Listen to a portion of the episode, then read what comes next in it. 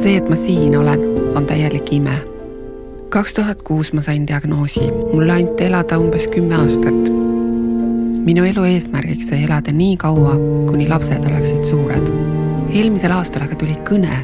minu jaoks on leitud kopsud. uued kopsud on toonud mõistmise, milline võit on igal hommikul ärgata ning päeva alustada. anna elule võimalus ja registreeri ennast elundidoonoriks veebilehel digilugu.ee Kuku Raadios välja öeldud seisukohad ei pea ühtima Kuku Raadio seisukohtadega. Te kuulate Kuku Raadiot.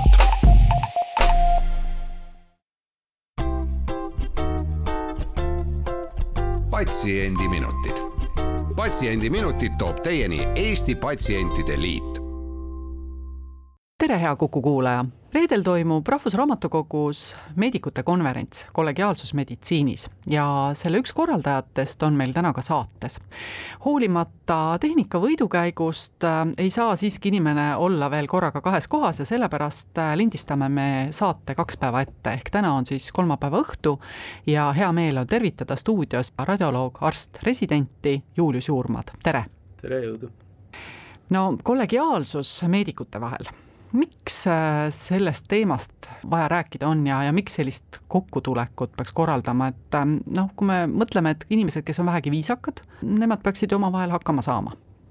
printsiibis äh, ma olen, ma olen täiesti nõus äh,, ideaalses maailmas kõik inimesed on omavahel viisakad ja saavad täiuslikult omavahel hakkama niivõrd keerulises süsteemis, nagu seda juhtub olema meditsiinisüsteem, äh, me kohtume kõikvõimalike erinevate teguritega, mis meid sellest ideaalsest maailmast kaugemale viivad. ja võib-olla üks selle konverentsi põhinoote ongi see, et kuidas me saame viia selle keskkonna rohkem selliseks, äh, kus oleks lihtsam käituda kollegiaalselt või siis lihtsalt viisakalt.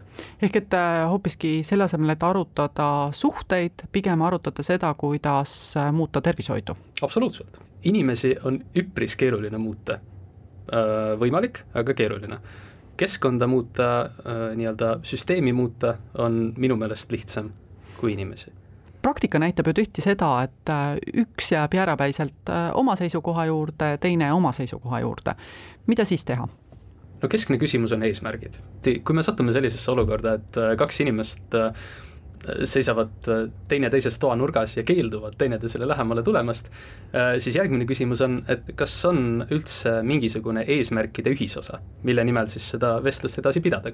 ja ma rõhutan, et see ei ole see juhtum, sest eesmärkide ühisosa selgelt on ma arvan, et kui ees, eesmärkide ühisosa on siis seda, sellist olukorda, et kaks, kaks inimest ei saa omavahel räägitud, sellist olukorda pigem ei teki. samas läbi ajaloo on üks konflikti kohti olnud ka see, et teatud erialad või teatud koolid muudavad mõne meediku justkui kõrgemal positsioonil asuvaks, et noh, näiteks mina olen lõpetanud Tartu Ülikooli või mina olen näiteks kirurg, et kirurg vaatab ülevalt alla taastusraviarstile või perearstile, perearstile omakorda ämmaemandale, ämmaemand hooldajale, kui palju sellist suhtumist veel äh, igapäevatöös kohtab? Kindlasti seda kohtab ja kindlasti see on jälle see koht, kus me peaksime mõtlema, kas, kas meil on eesmärkide konflikt või on mingi põhjus, miks me üritame seda hierarhiat äh, säilitada, põlistada. ma pigem arvan, et ähm, need asjad on äh,, on murenemise faasis mida põlvkond edasi, seda vähem ehk tekib selliseid jäiku hierarhilisi süsteeme ja, ja me liigume teineteisele lähemale. kas äkki pole siin põhjus selles, et äh, te olete liiga noor? noh, näiteks ma toon siin näite erialaorganisatsioonid. siin radioloogid hiljuti avaldasid arvamust, et nad ei taha perearste oma mängumaale lasta või eriarstid äh, ei taha lubada, et perearstid äh, mõne retsepti tühistaksid isegi olukorras, kus patsiendile on määratud teist, teistsugune ravi kuidas siin sellele võiks läheneda, kas erialaorganisatsioonidesse vastandumine mõnikord võimendub palju rohkem kui võib-olla igapäevases suhtes? küsimus on selles mõttes õigustatud, ma jõuaksin tagasi eesmärkideni. siin on mõnevõrra omavahel konflikti sattuvad äh, eesmärgid äh, ja mitte tingimata ei kattu omavahel üksikute arstide eesmärgid ja neid esindavate erialaorganisatsioonide eesmärgid. ja see on loomulik ma arvan, et selline aus äh, diskussioon nii vahetu, kui see kahe organisatsiooni vahel saab olla, on endiselt nende olukordade lahenduse võtmes, seesama näide radioloogide ja perearstide omavahelisest küsimusest. radioloogiline diagnostika peab liikuma patsiendile lähemale, aga küsimus on paljuski selles, et äh, inimeste kvalifitseerituses seda teha sellisel tasemel, et see muudaks patsiendi käsitlust ma olen absoluutselt selle pooldaja, et perearst saaks vastata mõnele lihtsale küsimusele oma isikliku ultraheliaparaadi abil. aga see vastus peab olema sellise kvaliteediga, et seda ei peaks olema vaja üle teha järgmises etapis. sellised nii-öelda kõige sagedamini tehtud radioloogilised uuringud nagu rindkere röntgenülesvõte või kõhu ultraheli uuring, nad on sagedasti tehtud, aga nad on kaunis keerulised teostada, kaunis keerulised interpreteerida ja see võtab, äh, ütleme, rohkem aega, kui on võimalik äh, teiste erialade residentuuris äh, pakkuda nende asjade omandamiseks. aga lihtsamad küsimused, näiteks et on või ei ole veenitromboos, on või ei ole vedelik kuskil, miks mitte, see peaks liikuma esmatasandile lähemale ja kuidas seda teha niimoodi, et patsientide diagnostika ja ravi ei kannataks see on küsimus, milles äh, ma arvan, kõik osapooled võiksid omavahele lähemale liikuda. siin kõlas üks märksõna aeg, kas äh, tihtipeale unustatakse ära, et äh, seisukohtade ühisosa leidmiseks on vaja natukene aega kulutada? ma arvan, et see on kõigil kogu aeg meeles. ja ma arvan, et nad teadvustavad endale ka seda sageli, et seda aega lihtsalt füüsiliselt ei ole tervishoiusüsteemides töötades see on kõige suurem defitsiit. samas jällegi aeg mingil hetkel tekib, lihtsalt võib-olla see kokkusaamine tuleb siis lükata veidi kaugemale tulevikku, mis omakorda viib selleni, otsuste kujunemine võtab aega. eeldusel, et need äh, inimesed vahepeal nendele asjadele ka mõtlevad, mitte lihtsalt niimoodi, et ärme teeme kuue kuu pärast, teeme aasta pärast ja siis inimesed on juba teineteise nimed ära unustanud. kas selliseid olukordi tuleb ka ette? ma arvan, et igas eluvaldkonnas aga mm, inimene on ju üks sotsiaalne loom ja tegelikult äh, ta tahab, et äh, teised suhtleksid temaga viisakalt, sõbralikult. kes on üks hea kolleeg, millised omadused võiksid heal kolleegil olla? minu meelest needsamad omadused, äh, mis teevad inimesest hea arsti, teevad temast ka hea kolleegi. arsti ülesanne on vähendada teadmiste asümmeetriat. see tähendab, et patsientidega suhtlemine, patsientide ravimine, oma kolleegidega teadmiste jagamine oma järgmiste kolleegide väljaõpetamine, et see kõik on tegelikult seesama asi. lõpuks ikkagi me tegeleme kogu aeg teadmiste jagamisega. igasuguses kontekstis on vanema põlvkonna roll esindada teatavat sellist äh, kogemustes karastunud konservatiivsust ja noorte kolleegide roll siis olla need äh, tulipäised entusiastid, keda on vaja jahutada meditsiinisüsteemi tasakaalustatud areng võiks kulgeda sealt kuskilt vahepealt, sealt tulipäiste kolleegide ja hallipäiste kolleegide vahepealt. aga läheme siit korraks pausile, peatselt oleme tagasi, nii et ähm, jääge meiega ja räägime meedikute vahelistest suhetest edasi. patsiendiminutid. patsiendiminutid toob teieni Eesti Patsientide Liit stuudios on Kadri Tammepuu ja radioloog, arst-resident Julius Uurma. me räägime täna kollegiaalsusest meditsiinis ja otsapidi jõudsime nüüd äh, patsientide juurde, sest ähm, kui kuulata, mida inimesed räägivad, siis äh, kogemus ütleb küll praegu seda, et äh, paljude inimeste jaoks tähendab arstidevaheline kollegiaalsus tihti ka meedikute ringkaitset ma arvan, et siin tasuks rõhutada sellise nähtuse olemasolu, nagu seda on tervishoiu kvaliteedi ekspertkomisjon, mis ongi loodud äh, selleks, et ei tekiks äh, üksikute institutsioonide, üksikute arstide vahel neid konflikte, et oleks mingisugune erapooletu institutsioon, kes äh, võimalikke ravivigu ilma emotsioonideta arutaks, et see ei ole ringkaitse. see on just selleks, et võtta need emotsioonid juhtunust välja kui ähm, me räägime siis sellest samast äh, ekspertkomisjonist, siis ähm, kuidas äh, ikkagi saab teha neid otsuseid, kui ekspertarstid ei ole ise kohal olnud ja dokumenteerimine on võib-olla ka jäänud äh, sellele arstil, kelle töö osas arutelu käib, on jäänud tegemata? Meid kõiki õpetatakse selles vaimus, et, et see on keskne dokumenteerimiskohuse eiramine, sellele ei ole meditsiinis justkui nagu adekvaatset vabandust, puhtalt sellel põhjusel, et äh, iga asi, mis sa teed, võib jõuda selle komisjoni ette. iga tehtud viga õpetab meile midagi. Kuidagi need vead tuleb läbi analüüsida ja tahes-tahtmata me peame lisama siia mingisuguse erapooletuse aspekti ja erapooletuse aspekt tuleb just nimelt sellest, et me korralikult dokumenteerime ja keegi teine loeb need asjad korralikult läbi.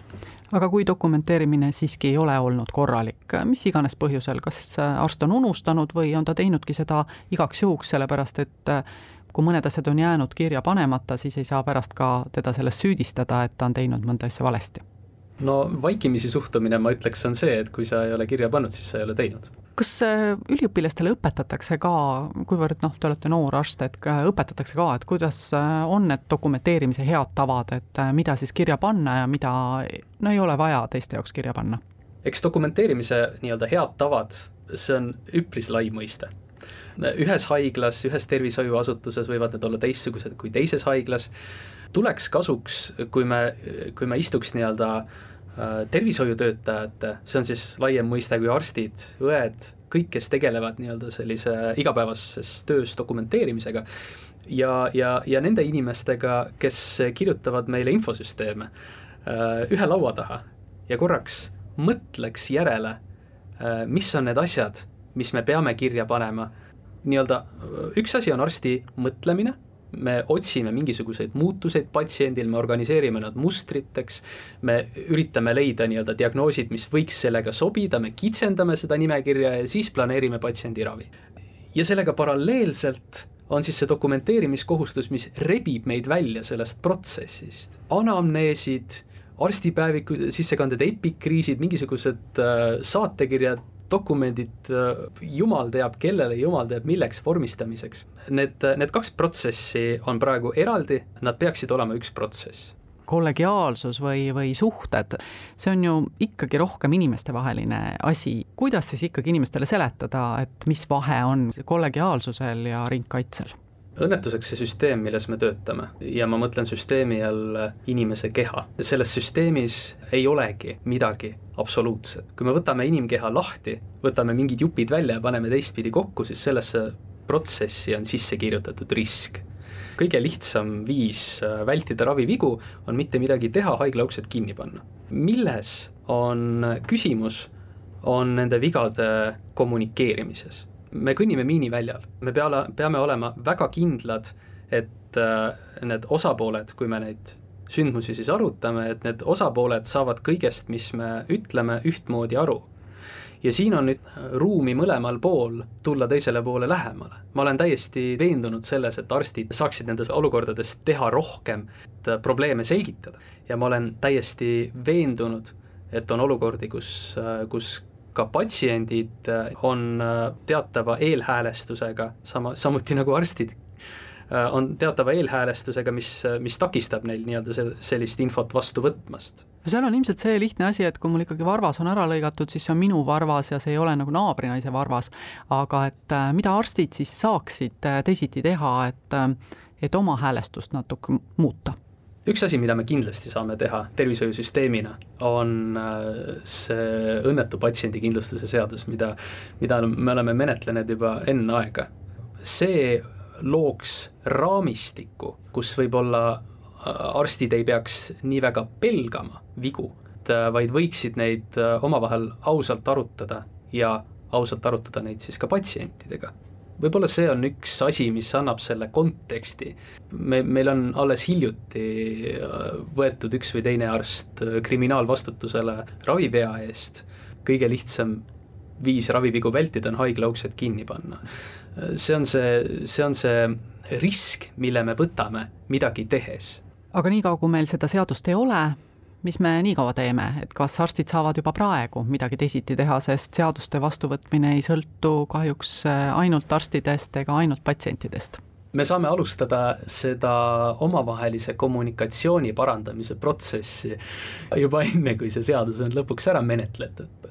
see, ma arvan, algab algab haridusest, algab meie, meie endi nii-öelda põhiõppest, arstiteaduse põhiõppest. Neid asju peab seal arutama neid asju on arutatud seal vähe, suhtlemist on juurde tulnud, aga seda on seal vähe. ja kui patsiendiga, patsiendiga suhtlemist me nüüd õpetame õppekavas tõesti õpetame, siis omavahel suhtlemist me peaksime omandama oma kolleegidelt. Ja siin on vajakajäämisi me peame endale seda ausalt tunnistama ja sealt kuskilt eda-, edasi liikuma. ehk kui nüüd mõelda Tartu Kliinikumi tüli peale, kas ma saan õigesti aru, et äh, tegelikult aeg-ajalt peavad vahetuma ka juhid, kui nad ei suuda ümber õppida? kui kõigil asjaosalistel on samad eesmärgid, siis selliseid olukordi ei juhtu kui osapoolte eesmärgid omavahel erinevad, siis tekivad konfliktid. ma jätaks nii-öelda need hammasrattad äh, keerlema omasoodu ja ma tooksin välja selles olukorras äh, ainult ühe aspekti. kui äh, valdavalt siis Tartu arstkond algatas petitsiooni juhatuse toetuseks, võtmata seisukohta selles olukorras, ma juhin tähelepanu asjaolule, et umbes pooled nendest inimestest, kellest oluline osa on arstid, pikalt õppinud professionaalid, kirglikud inimesed, ei julgenud avaldada enda nime siin on mingisugune probleem, sellel pildil on midagi valesti. ja valesti on ilmselt see, et meil on Eestis ainult paar-kolm töökohta eh, eriarstidele.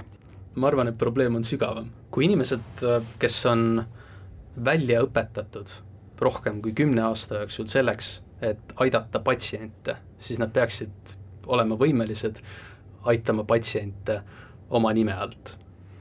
ma ei tea täpselt nii-öelda kliinikumis valitsevaid meelsusi, ma ei, ma ei, ma ei ole nii-öelda pädev seda teemat äh, kuidagiviisi lähemalt kommenteerima.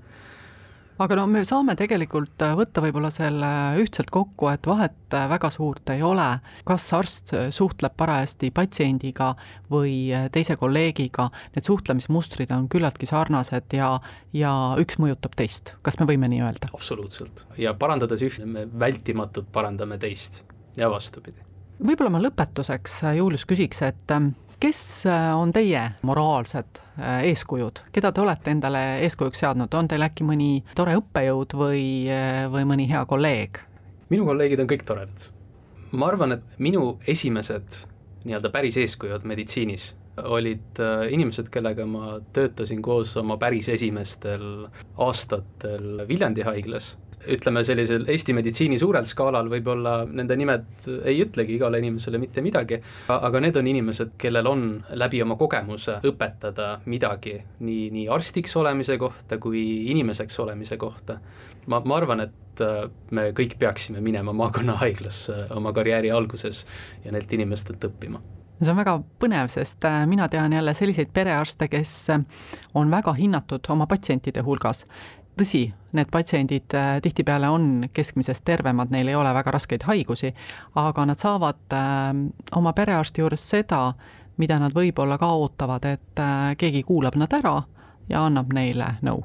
jah, see on kindlasti üks aspekt ja see on näidatud ka, ka teadusartiklites, et, et arstid, kes suhtlevad oma patsientidega nii-öelda paremini, Ehm, nende nii-öelda tajutavad ravitulemused on paremad, nii on. patsiendid on rohkem rahul?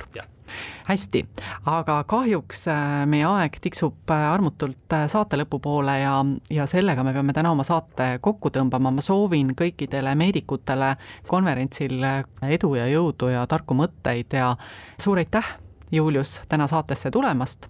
saatekülaline oli radioloog, arst-resident Julius Juurma ja saatejuht Kadri Tammepuu kuulmiseni taas järgmisel nädalal ja seniks olgem terved.